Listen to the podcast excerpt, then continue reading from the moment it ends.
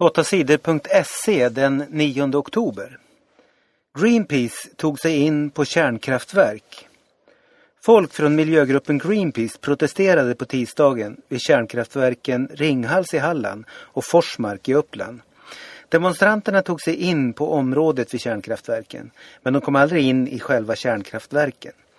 Poliserna grep demonstranterna och tog dem därifrån. 59 demonstranter greps av poliserna. Greenpeace gillar inte kärnkraft. Gruppen tycker att säkerheten är för dålig. Det var vad Greenpeace ville visa genom att ta sig in på områdena vid Ringhals och Forsmark. EU tvingar Grekland att spara nu. Idag tisdag besöker Tysklands ledare Angela Merkel Grekland. Hon ska träffa den grekiske premiärministern Antonis Samaras och prata om den ekonomiska krisen i Grekland. Greklands pengar är slut och landet behöver nya pengar snabbt. Antonis Samaras säger att landet måste få ett nytt nödlån av EU redan i november. Men Tyskland och de andra euroländerna vill inte gå med på det. De tycker att den grekiska regeringen sparar för lite pengar. För att få ett nytt nödlån måste Grekland spara nu. Det räcker inte längre med att lova att landet ska spara. Sparandet måste vara igång före den 18 oktober. Det säger euroländernas ledare Jean-Claude Juncker. Annars blir det inget nytt nödlån. Människor i Grekland protesterar mot sparandet. Många tycker att sparandet är för hårt och orättvist. Folk i turkisk gränsstad är rädda för krig. Människor i den turkiska, turkiska staden Aksakale är oroliga. Flera gånger har syriska soldater skjutit granater mot staden. Två kvinnor och tre barn har blivit dödade. Vi är rädda för bomberna. Barnen är väldigt rädda och kan inte sova på nätterna, säger en mamma. Turkiska militärer i stridsvagnar finns nu på gatorna. De är där för att skydda människorna i staden. Men det räcker inte för att lugna alla de oroliga.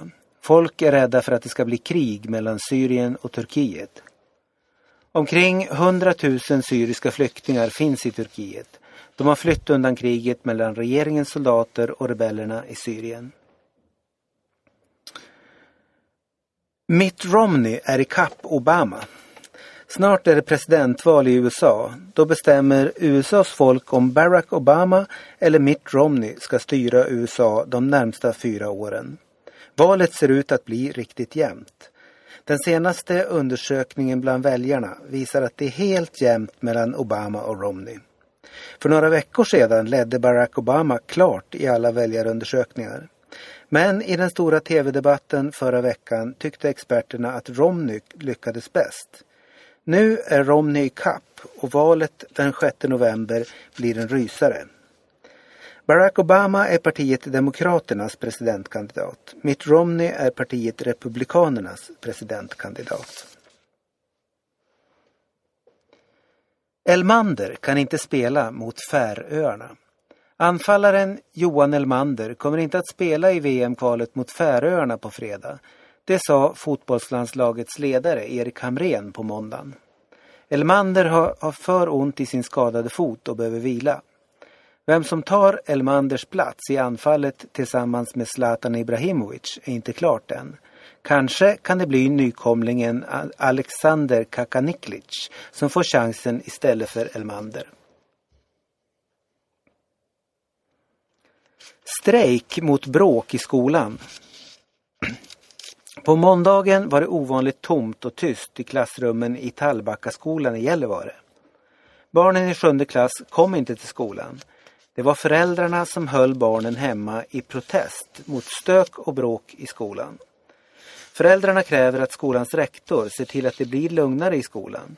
Föräldrarna vill ha en särskild stödperson som ska hjälpa till att få det lugnare i klassen. Föräldrarna säger att strejken ska fortsätta tills rektorn gör något för att stoppa stöket i klassen.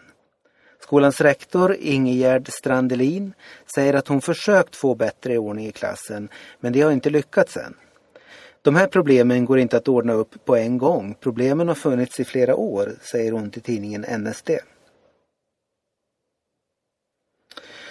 Vanligt med hot mot bioanställda. De som arbetar på biografer ska se till att åldersgränsen följs. Men personalen som stoppar unga råkar ofta illa ut.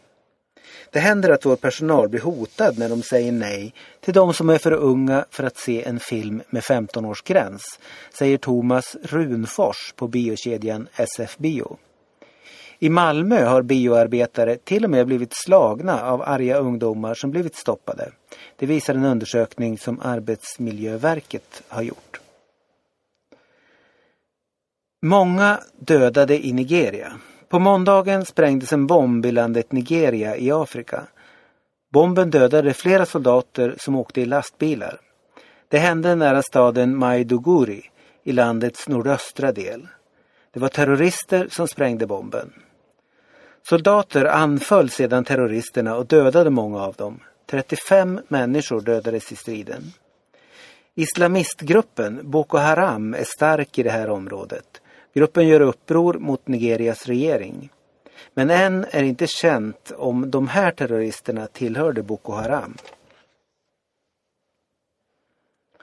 Många sjuka i farlig smitta.